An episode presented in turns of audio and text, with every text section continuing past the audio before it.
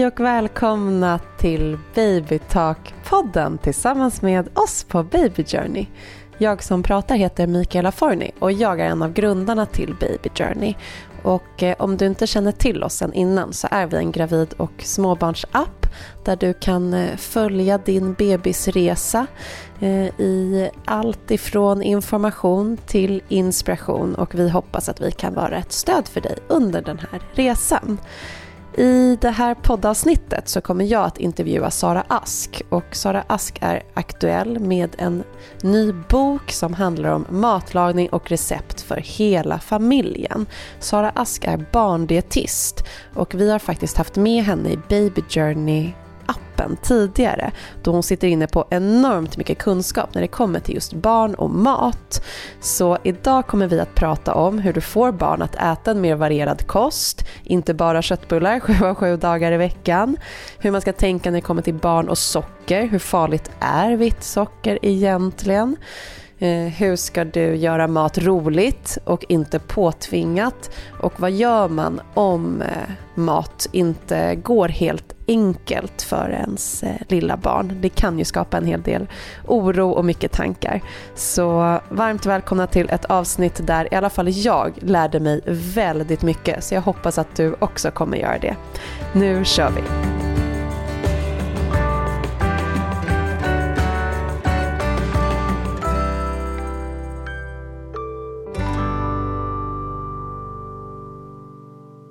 Hej Sara och välkommen till Babytalk-podden! Tusen tack! Du är expert på ett ämne som väldigt många av våra användare är nyfikna på, nämligen eh, mat. Mm, kul! Du är ju barndietist. Det stämmer. Berätta för mig, vad gör en sån? En barndietist kan göra lite allt möjligt.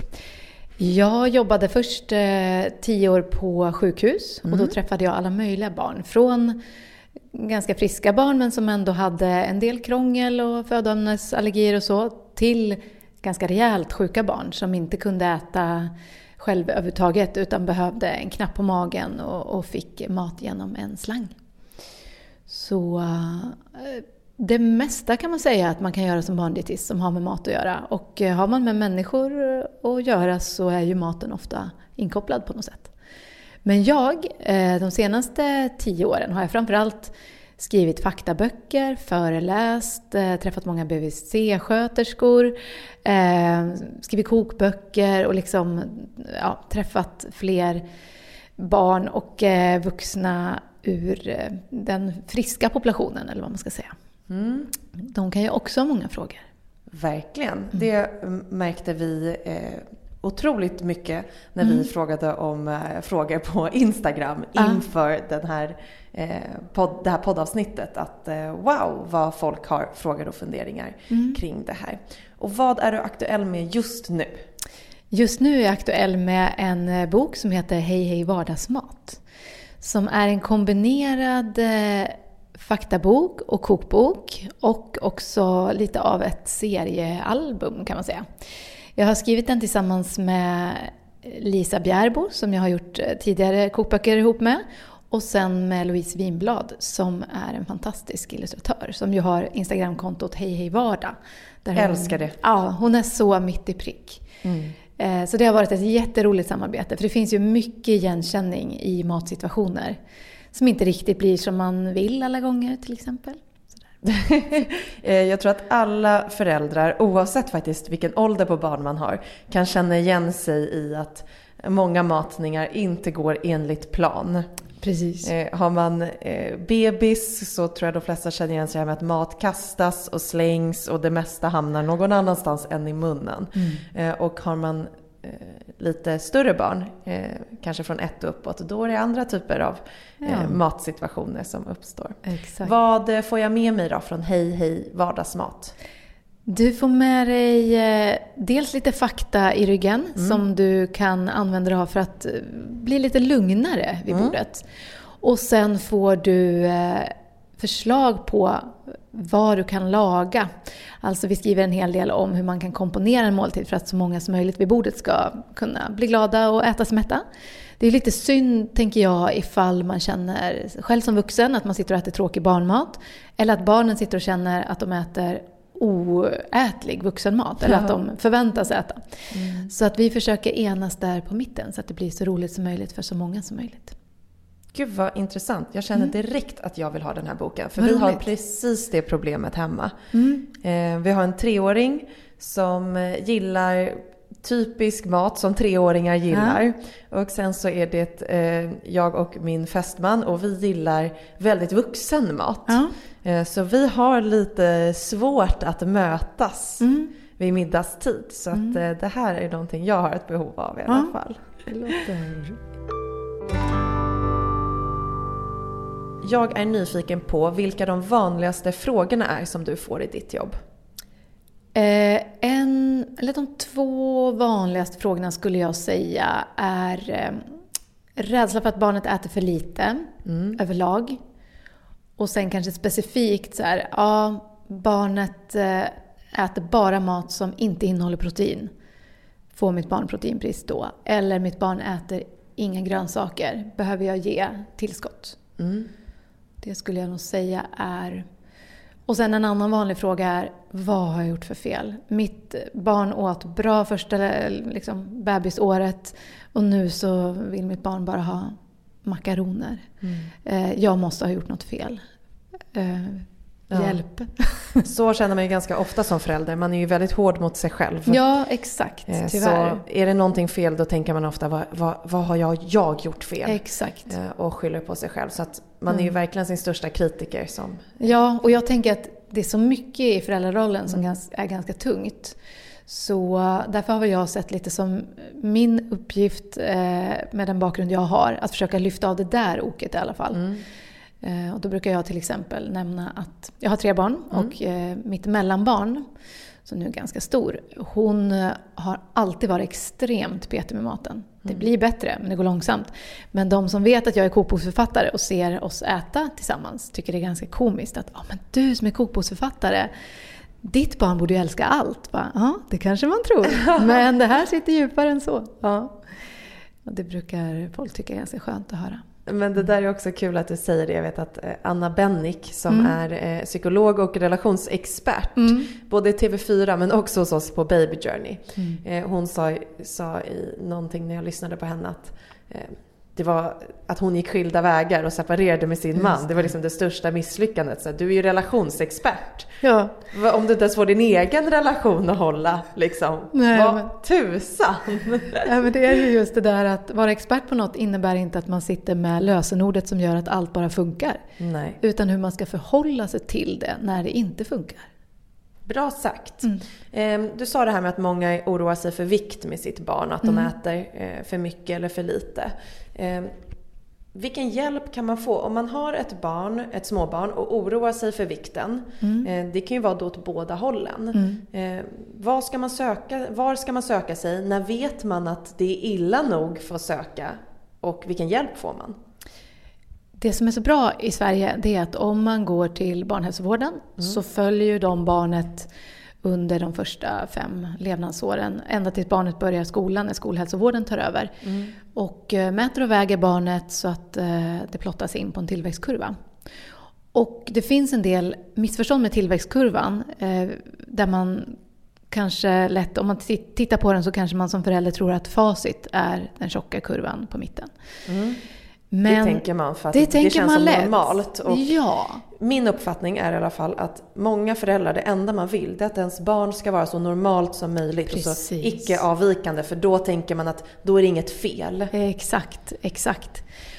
Men då brukar jag börja med att berätta att eh, tillväxtkurvan är ju en medelkurva och där innebär det att hälften kommer ligga över och hälften under.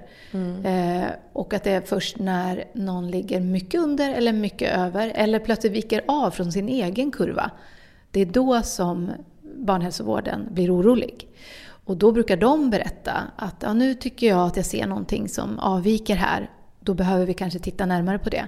Om det är en kurva som plötsligt planar av till exempel så behöver man eh, fundera över om det är så att eh, barnet kanske, det är någonting som eh, barnet inte tål så att det inte kan absorbera maten ordentligt.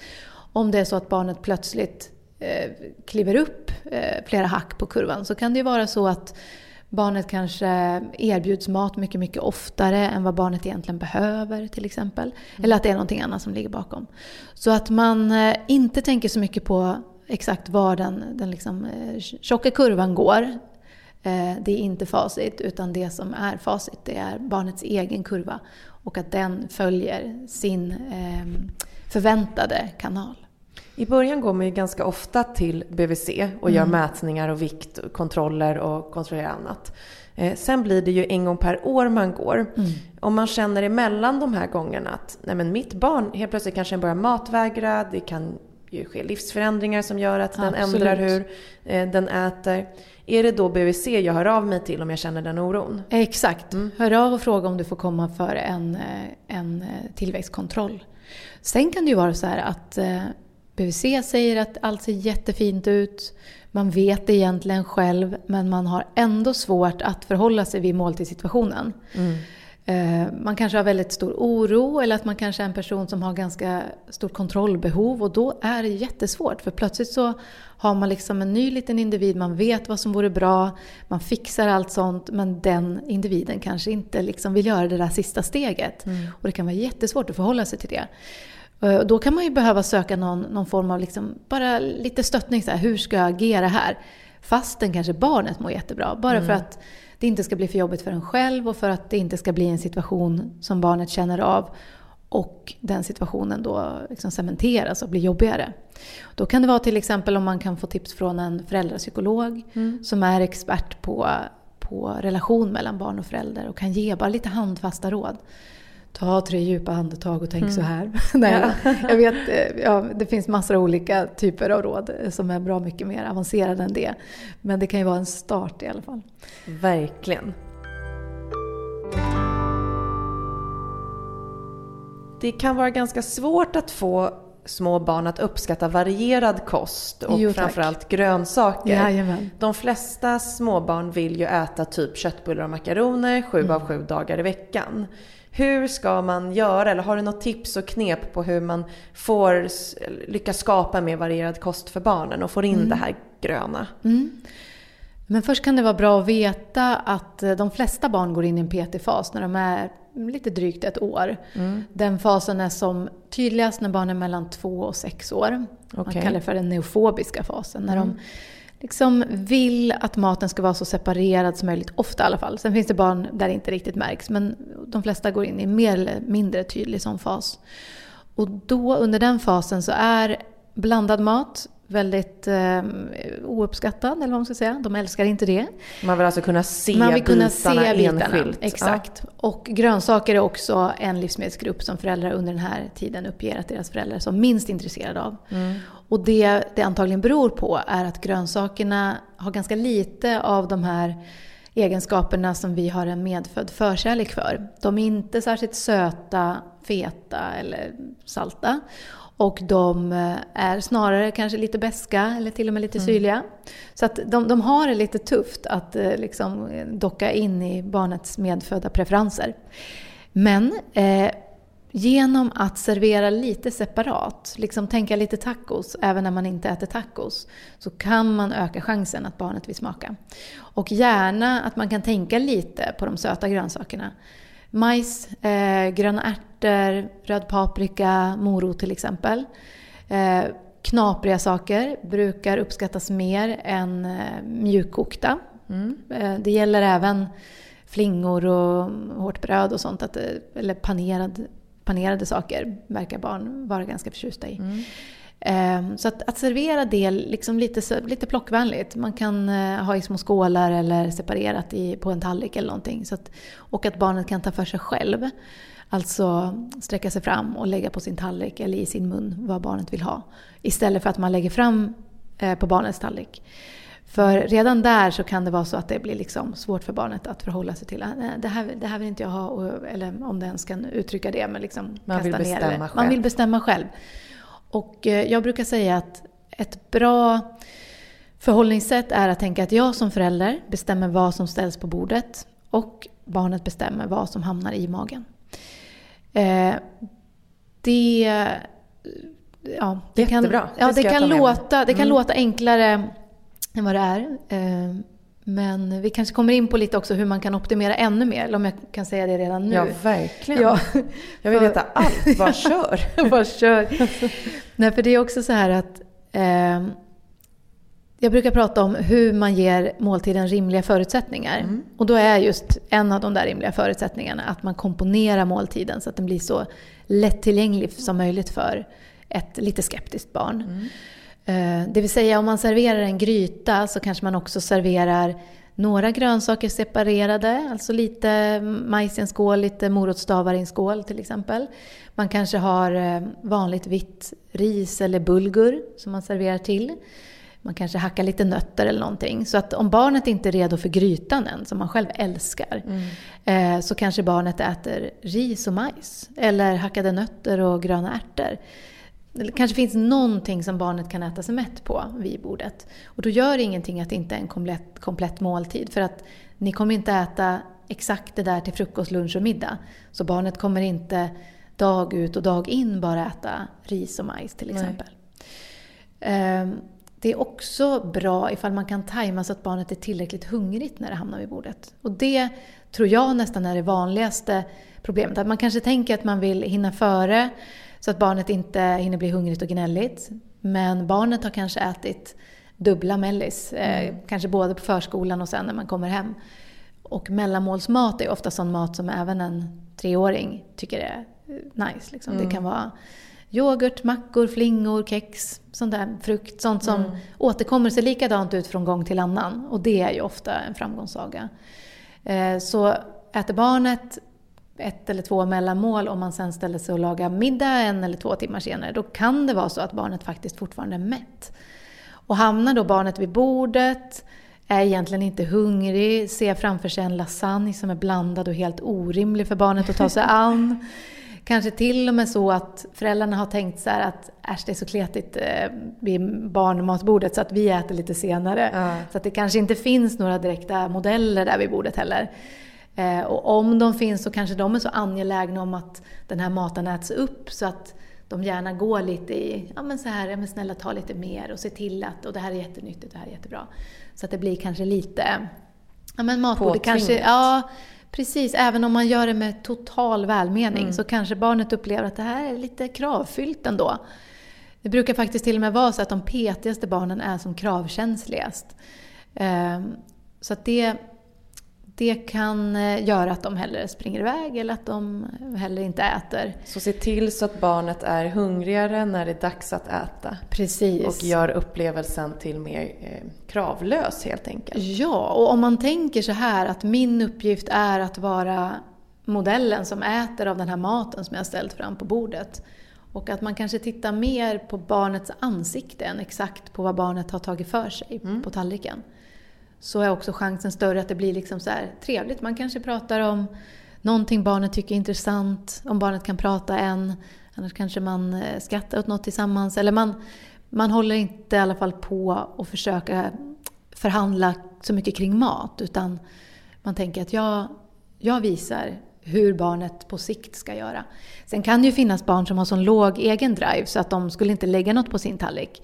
Då kan man ju behöva vara där och liksom föreslå, ska vi ta lite sånt här och det här kommer jag testa, vill du ha lite på din tallrik?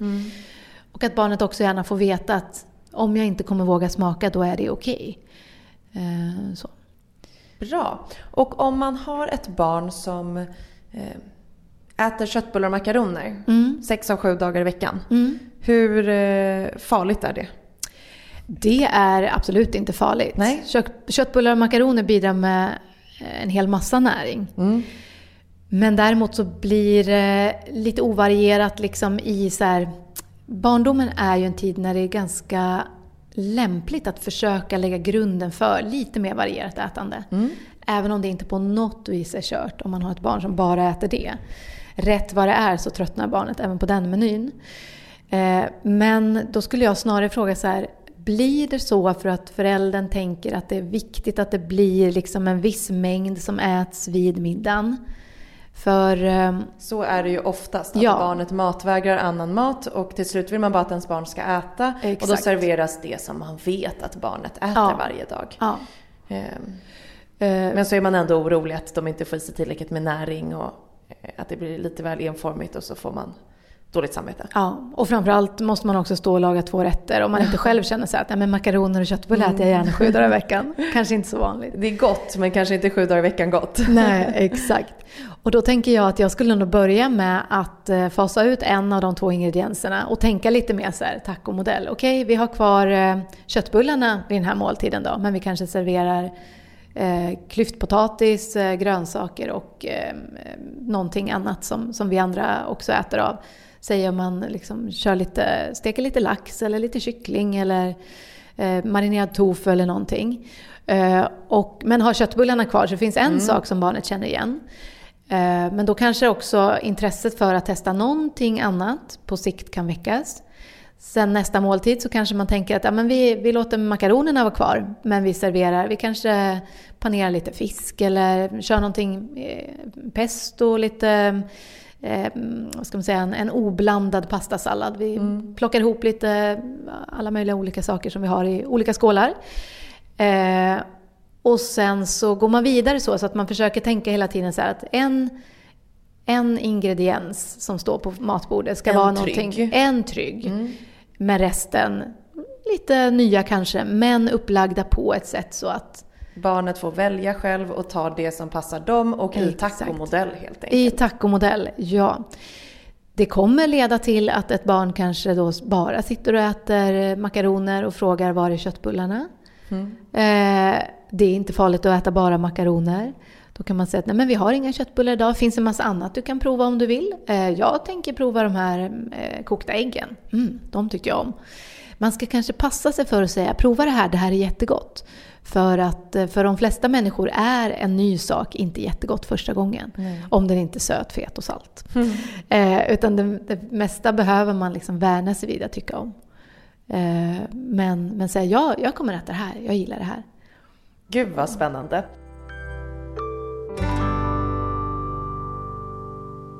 Jag är lite nyfiken på barn och socker. Och det är våra användare också. Det är faktiskt någonting som man ser också ett sökordsperspektiv att många har frågor kring. Eh, när är det okej att börja ge barn sötsaker eller snacks? Och hur ska man tänka i starten? Om vi börjar med, med starten sött, eh, så jag bara klargör det, så är det ju så här att barn, redan när de ligger i mammas mage så har de en preferens för söta saker, en förkärlek för sött. Och eh, det är också en av anledningarna till att man gärna kan ge liksom lite, ifall man har ett barn som, som inte tycker det är superspännande att börja med mat till exempel, så är jag av åsikten att det är inga problem att, att låta söta fruktpuréer till exempel vara en del på menyn. Som kanske gör det att barnet känner att ja, men det, det är värt att äta det här knasiga på sked också. Även om jag tycker att den söta mjölken är det allra godast kanske, ett bra tag i alla fall. Så att man inte är rädd för, för frukt och bär och sånt under första levnadsåret alls. En del tror, jag har träffat på ganska många faktiskt, som tror att ah, jag har en treåring som älskar sötsaker och det är säkert mitt fel för att jag gav söt mango bananpuré eh, när hon var liten eller han var liten. Men, men den här medfödda förkärleken för sött, den, den har ingenting alltså, det, är inte, det är inte så att man har förstärkt den av att man har gett fruktpuré utan Okej, och Man- naturligt socker alltså via frukt Ja, och sånt. exakt. Det är bra och Det är bra. Det, framförallt så leder det, tack vare sötman, så leder det till att barnet äter och får i sig vitaminer, mineraler och fibrer. Eh, sen så är det ju bra om man kan vänta så länge, ja, gärna så länge som möjligt med godis, glass, kakor, den där typen av livsmedel. Finns det någon, kan man se någon forskning eller finns det studier på eh, positiva aspekter med om man lyckas vänta till två eller tre eller fyra års ålder? Att ja, men de barnen som inte får snacks och sött förrän tre, eh, de eh, blir aldrig sockerberoende när de blir vuxna eller? Nej, och det är, det är jättebra att du säger det. För att, ja, men det är jättebra att du säger det, för att när jag säger vänta så länge som möjligt, mm. då skulle jag precis säga att jag tänker inte då att man väntar tills barnet är fyra.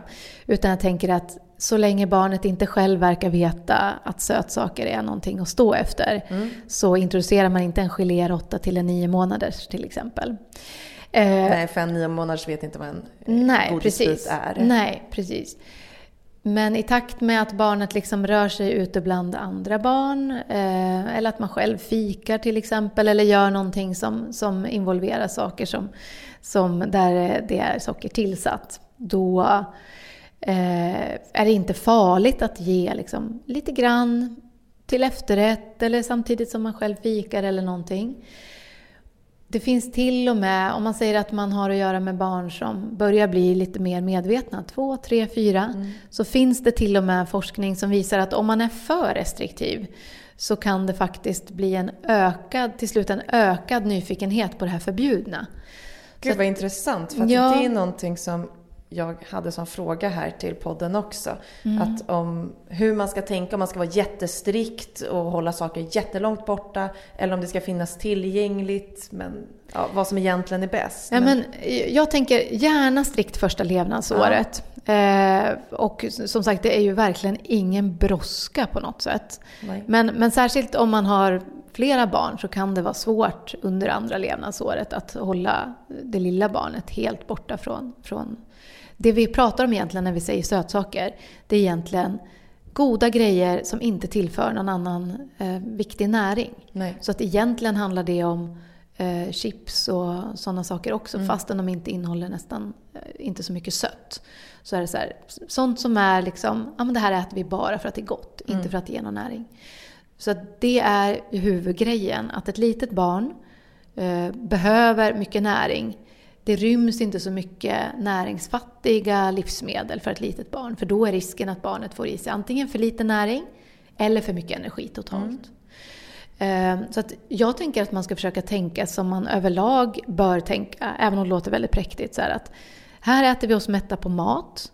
Eh, det ryms lite efterrätt då och då, liksom någon gång i veckan eller så beroende på vad det är. Jag menar efterrätt i form av frukt ryms ju varje dag, mm. det är ju mm. bara jättebra.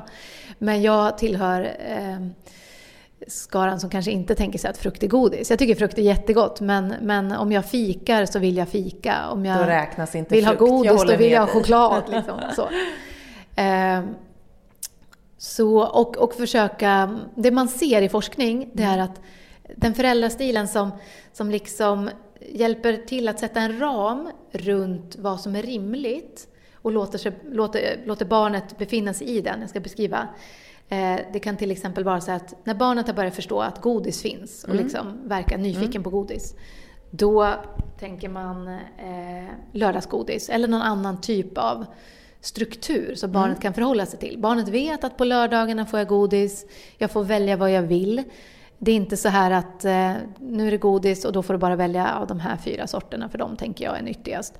För att godis är ändå godis. Det kommer, det kommer finnas, eh, absolut, jag menar väljer man torkad frukt så blir det en typ av godis som innehåller näring också. Men jag tror mer på att faktiskt låta barnet ta vad det vill då.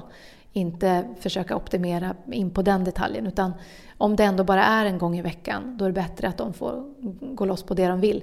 Men naturligtvis i rimliga mängder. Så att man tar en, en liten påse till exempel. Att man, eller att man kanske har köpt hem själv och så har man en, en liten skål som barnet får i. Ehm, och samma sak med, med glass eh, eller med, med fikabröd. Att, att man hittar någon typ av, av ehm, struktur. Man kanske kör en fredagsglass eller... Så struktur när det kommer till eh sött eller salt som egentligen inte ger näring utan bara är gott. Exakt. Det är bra att det är man bra. förhåller sig till någonting. Ja, på okay. populationsnivå så ser man mm. att det, det finns en stor fördel med det. Istället för att då bara få lite hipp som happ och att det inte finns Exakt, mm. exakt. Och det är egentligen samma sak eh, när jag säger så här att man kan tänka att jag som vuxen lägger ramen och bestämmer vad som ställs på bordet i form av mat. Men att barnet rör sig inom den ramen och väljer själv hur mycket och av vad barnet vill äta. Så det är liksom samma sak som går igen där. Mm. Att det här gäller ju då på populationsnivå. Mm. När man gör forskning så tittar man ju inte på hur funkar det för specifika individer. För då är det vissa föräldrar som kommer säga och uppleva det här, som kan vara helt sant, att ja, men när vi kör lördagsgodis då blir det så himla hypat kring lördagsgodiset. Så för oss så funkar det bättre med en liten chokladbit efter maten någon gång ibland till exempel. Mm. Eh, och jag har full eh, liksom, respekt för det. Det viktiga är att inte hemmet är liksom fullt av... Så man skapar ju matmiljön hemma.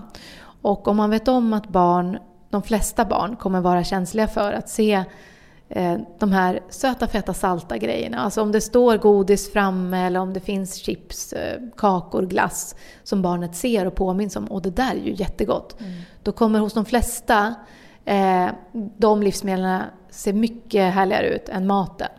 Mm. Så att man eh, på något sätt, vill man ha ett lite mer så här, ja men hipp som happ eh, system, då kan det definitivt funka på det specifika barnet. Men att man bör ändå inte ha det så att det står liksom ständigt i barnet. för att egentligen Nej. sukta ett barn eller Exakt. påminna ett barn om att det är mycket roligare än den här tacovarianten jag ska ställa fram nu. Precis, precis. Sitter man och tittar mot den där chokladbiten ja. som ligger där borta. Ja men verkligen, att man får förstå om, om ett barn till exempel ska välja mellan eh, morotsstavar och mango, då kommer plötsligt mangon se jättehärlig ut. Mm. Men ska ett barn välja mellan mango och eh, kola, choklad och färgglada eh, gelégodisar, då kommer nog godisarna vara mer... Enkelt val för både vuxna och barn egentligen. Ja, men på något vis så är det lite så. Så att man försöker ha det hemma som man vill att familjen äter ofta. Och det andra köper man hem vid de tillfällen när man vill att det eller vill och vill. Liksom. De tillfällen man tänker så här, men nu är det rimligt med lite sånt här. Det finns idag många alternativ på marknaden till eh, sötsaker. Typ så här fruktremmar och det lanseras ju hela mm. tiden eh, så kallade nyttiga alternativ. Mm. Eh, och många försöker ju då med de alternativen i början för att kanske hålla eh, sötsaker borta så länge som möjligt. Men hur mycket nyttigare är egentligen de här alternativen? Ja, det är en jättebra fråga. För att jag, jag förstår att eh, det finns en marknad för dem. Och jag ser till och med att vissa av de här markeras som dietistens val och så. Och jag mm. förstår hur den dietisten har tänkt. Eh, för att det råkar då vara, fruktremmar innehåller då lite vitaminer och mineraler och fibrer. Det gör inte geléhallon till exempel.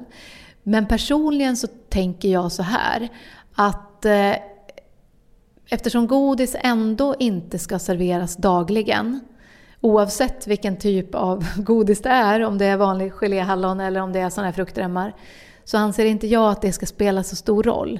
Om det spelar så stor roll vilket godis man väljer så att man väljer det nyttiga, då kanske man ändå ger lite för mycket godis. Mm. Eh, för att eh, för tänderna spelar det ju ingen roll. Det där kommer vara kletigt och sött för tänderna. Kroppen ser inte skillnad på om sockret är naturligt eh, eller om det är raffinerat. Till exempel sockermolekylen i sig ser likadan ut. Och det, det innebär inte att kroppen liksom eh, blir rädd för sockermolekylen och, och, att, att det händer något farligt i kroppen. Utan den går in i systemet precis som, eh, och används som energi. Men, eh, men vad jag är ute efter är på något sätt att jag tror att man i sin iver att göra någonting jättebra Eh, antingen lägger mycket pengar på någonting som kanske ja, spelar inte jättestor roll. Eh, om man dessutom har ett barn som är så pass stort så att barnet hellre skulle vilja ha det här andra godiset. Mm. Och att också risken att det här andra godiset, liksom det fulgodiset eller vad vi ska ja. kalla det för, att det blir ännu mer åtråvärt. För att jag får bara äta det här nyttiga godiset. Förstår du vad jag är ute efter ja, lite jag förstår. Men om det... Um om man inte jämför fruktremmar med just godis utan mm. kanske med fikabröd eller chips. Eller, det kan ju vara så att eh, det introduceras ju och säljs in lite på marknaden som att mm. det är ett bra alternativ innan man kanske introducerar mm. det här andra. Ja, ja. Men hur mycket bättre är en sån fruktrem än att äta en bit bulle? Är nej. det liksom egentligen inte så stor skillnad eller är det så här, jo men det är ett bättre alternativ, i alla fall lite näring? Mm, men, nej, jag, jag skulle, alltså det är inte så att jag eh, hatar fruktremmar på något sätt. Men jag, jag skulle själv tänka att jag gjorde det lite för krångligt för mig. Ja. Alltså bullen ger faktiskt också lite näring. Om man ska, vara, om man ska liksom hårdrare och titta på näringsinnehåll och sådär. Så ja, men där kommer det lite kalcium och B12 till exempel, lite zink, lite selen. Eh, I remmarna kommer det också lite vitaminer och fibrer, absolut. Men jag skulle inte säga att de ena är mer värda än de andra. Utan jag tror faktiskt att man lägger lite onödigt mycket pengar på någonting när man istället skulle kunna bara eh, enas kring någonting. Mm. Eh, eller varför inte ge bara lite banan till, tillsammans eh, med bullen till exempel. Eller lite eh, nektarin i små bitar eller någonting. Det behöver inte vara det där processade faktiskt. Smart. Och då undrar jag också, finns det någonting som är bättre än något annat? Eh, när det kommer till sötsaker och snacks. Är det så att så här, men ge hellre chips än glass? Om ditt barn, alltså om du ska göra någonting mysigt med ditt barn mm. och ditt barn gillar egentligen allt som är gott. Hur ska jag tänka då? Jag skulle själv tänka så här, vad är vi sugna på nu? Eh, mm. Det handlar egentligen framförallt om att man inte gör någonting till vardags. Utan att man gör det kanske en gång i veckan mm. eller så. Eh, om man börjar liksom titta på olika specifika näringsämnen till exempel så ja, popcorn innehåller ganska mycket fibrer. Chips innehåller inte så mycket fibrer. Eh, frukter, särskilt om de inte är särskilt salta, de innehåller väldigt mycket bra saker. Eh, men de innehåller så många bra saker så att de ser jag nästan inte... alltså, jag har till exempel ofta lite rostade solrosfrön eh, på matbordet tillsammans med maten. Eller hackade jordnötter till, till gryta och sådär. Jag tror nog att mina barn skulle nog nästan inte tänka på nötter som någonting snacksigt. Utan det är mer så här, det ingår i maten. Eh, men, men eh, det, det, där kan man ju se olika på beroende på hur ofta man serverar det. Så det, det skulle ju kunna vara eh, någonting också. Du nämner glass också. Mm. Det, glass kan ju vara väldigt mycket beroende på hur mycket socker det är i. Är det mjölk i till exempel? Är det mjölk i så får man ju i sig lite kalcium och B12. Så det beror också lite på vilket barn man har framför sig. Har man ett barn som, som faktiskt är väldigt petigt så att det blir väldigt ont om eller man kan tänka sig nästan att ja, det här barnet kanske får i sig lite lite näring ibland. Då kanske den där glassen inte är så tokig. Mm. Eh, har man ett barn som, som är oerhört matglatt så att de på BVC säger att Åh, nu kanske ni ska börja tänka lite grann på hur ofta ni serverar vissa saker. Då kanske jag skulle tänka så att eh, ja, men popcorn, mm. lite bättre alternativ. Eh, och att man gärna i allt det här goda kan kan ändå, även om jag nyss sa så att i valet mellan det ena och det andra så kan det vara lite svårt. Men säg att man serverar lite salta snacks. Då kan det vara lite gott och läskande med någonting sött till. Som till exempel skulle kunna vara en tallrik med uppskuren frukt i olika färger och former. Det där med att få ta en bit frukt istället för att bestämma jag vill ha ett helt päron eller jag vill mm. ha ett helt av någonting. Lite melonbitar eller lite äh, äppelbåtar eller Mango finns ju som man kan köpa fryst och bara lägga upp mm. som kantina till exempel. Eh, så kan det vara ett sätt också att, att liksom visa att det här, det här är visserligen inte godis men det är gott och det är extra gott tillsammans med någonting som är lite salt. Finns det någonting som är riktigt dåligt för barn? Som du tycker så här, undvik det här i den mån det går? Ja, men den frågan är också jättebra. eh, ja, men jag skulle säga så här. Var inte för generös med... För, för det är ingenting... Alltså om vi, om vi inte pratar om så här mögelgifter på, på nötter eller vidbränd mat som kan vara cancerframkallande. Vi, vi tänker ju bort sånt mm. som inte är ätligt. Eh, så skulle jag säga att så här, det är jättesmart att inte vara för generös med sockersötade drycker. Mm. Eh, det är en superbra vana att vänja barnet vid att dricka vatten, särskilt som törstsläckare mellan måltiderna.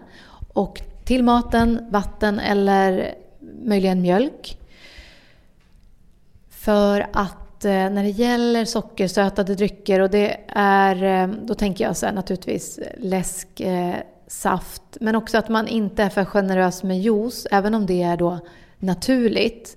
Eh, 100% eh, pressad frukt så kommer det vara eh, det kommer vara lätt för barnet att bara suga i sig istället för att tugga och äta, få i sig fibrer och sånt.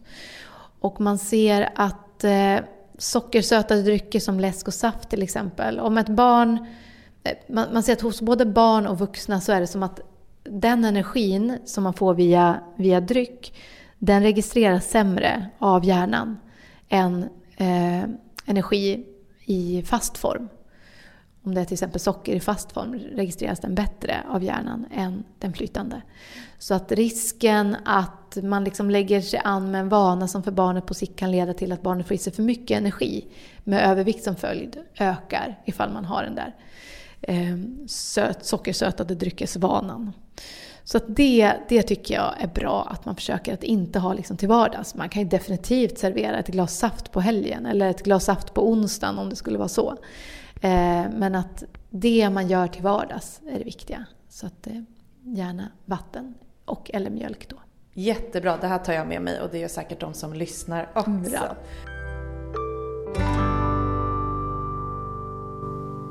Nu är det dags för våra användarfrågor mm. som vi avslutar eh, varje poddavsnitt med. Eh, jag ska se hur många vi hinner med men vi kör igång för jag fick mm. jättemånga mm. så ingen idé att vänta. Fråga nummer ett är Hur står sig en barnmatsburk näringsmässigt jämfört med hemlagad mat? Ja, bra. Det har jag mm. suttit och räknat på och analyserat. Är det sant? Och, jajamän. Gud, du är helt rätt person att fråga. Ja, ja. Och faktum är att de står sig ganska bra. Naturligtvis beroende på vad det är man har lagat för hemlagat och beroende på exakt vad det är i burken. Men, men när jag gjorde en riktig redig analys eh, där jag både räknade och eh, hade mm, barnmaten i fråga hos ett analysföretag. Eh, då såg jag att skillnaden är att den hemlagade maten man gör den kan ofta vara lite liksom stabbigare kanske. Alltså burkmaten innehåller ofta lite mer vätska och kan också vara anledning till att det är lite lättare för barnet att äta den. Mm. Alltså en del kan känna sig, vad sjutton liksom, här står jag och gör jättegod mat och mitt barn vill inte ha den. Ehm, och det kan göra att den innehåller lite mindre energi. Ehm, den är också, den är också ehm, konserverad på ett sätt som är skonings, skonings, vad säger man, skonfull, mm. sko, ja, som skonar maten.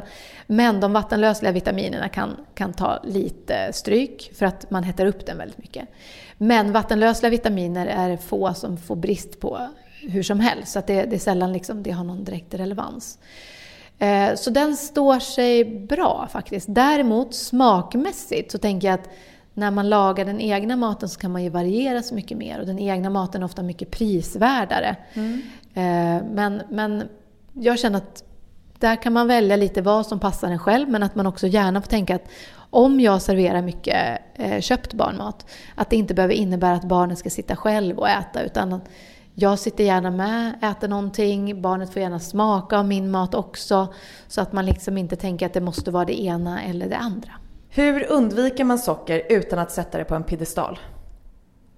Det gör man genom att inte prata och agera som om det skulle vara något giftigt på något sätt. Mm.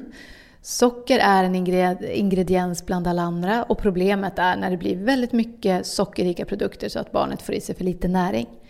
Så socker är inte livsfarligt, varken för barn eller vuxna på något sätt, utan det handlar om balans.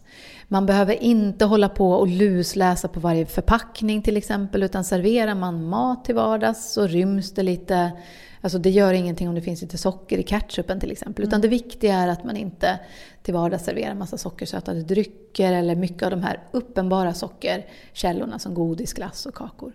Utan att de får finnas med men, men inte någonting man äter sig mätt på. Hur farligt är typ en bulle om dagen för en tvååring? Alltså, bullar kan, ju vara, ja, bullar kan ju vara ganska stora. Ah. Eh, så att här... Eh, alltså, en bulle om dagen är inte farlig för en tvååring, men jag skulle säga att det ryms ganska mycket mer näringsrik mat på en standardbulle. Så jag skulle föreslå att man till vardags... Man jag skulle tänka att jag vill ge mitt barn mat så som barnet skulle kunna äta jämt i framtiden. Och det är klart att man kan äta en bulle jämt i framtiden också, men under de här småbarnsåren, så som jag sa så är det, det är, eh, ställs högre krav på att barnets mat är näringsrik eftersom barnet har högt näringsbehov i förhållande till hur mycket mat ett barn kan äta. Så att det, det ryms mycket näringsrikare saker på bullen, om du förstår vad jag menar. Mm. Så jag, jag, skulle försöka att fasa ut bullen som en daglig grej och tänka att ja, men ett, ett par bullar i veckan kanske Men eh, servera roliga men lite näringsrikare alternativ däremellan. Macka, yoghurt, frukt, liksom den typen av mellis till exempel. Bra svar. Min nio månaders är som en hund och blir aldrig mätt. När ska jag sluta ge mat? Den frågan är också väldigt bra för att jag har ju pratat ganska mycket om de petiga men de där finns ju definitivt också. Mm. Ja, där skulle jag hålla en eh, dialog med BVC. Mm. För att eh, alltså, vissa barn äter tills de kräks till exempel. Då kan man ju försöka minnas ungefär vilken, vilken volym barnet klarar av och kanske sluta lite innan. För då är det ju så att barnet helt enkelt har fått magen full av mat. Även om det inte är farligt att kräkas så, så kan det ju vara en indikat, indikator på att det har blivit lite för mycket. Annars skulle jag försöka tänka frukost, lunch, middag och eh, ett par, två, tre mellanmål däremellan. Alltså eh, förmiddagsmellanmål, eftermiddagsmellanmål och kanske ett kvällsmål. Mm. Eh, det är svårt att säga exakt eh, mängd mat och det är därför som jag tänker att, en, eh, att diskutera det med, med barnhälsovården är bra, för de ser hur barnet växer. Mm. Och är det så att barnet liksom följer sin kurva så kan det ju vara så här, ja men det här barnet behöver så här mycket eh, energi och näring och då är det bara att fortsätta. För förr eller senare, även om det känns som att barnet kan äta hur mycket som helst, så tänker jag att förr eller senare så borde barnet ändå bli nöjt. Bara det att föräldern kanske upplever att det är en kopiös mängd mat. Föräldern kanske jämför med ett annat barn och det kan vara ganska stora skillnader däremellan. Så en liten, en liten snack med BHV-sköterskan så att mm. man eh, får en individ, eh, ja, så att hon kan göra en individuell bedömning. Jättebra svar. Kontakta BVC, få den individuella bedömning helt enkelt. Sista frågan då. Mm. Är sockerkick sant eller är det en myt? Det är en myt. Oj! Mm.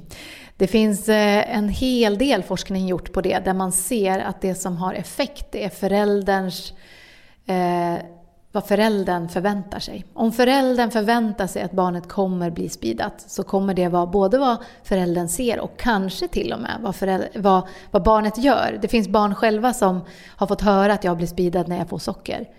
Eh, man har gjort ganska luriga dubbelblinda undersökningar där, där föräldrar har trott att deras barn har fått socker fastän de inte har det och har angivit att ja, men det märks jättetydlig skillnad.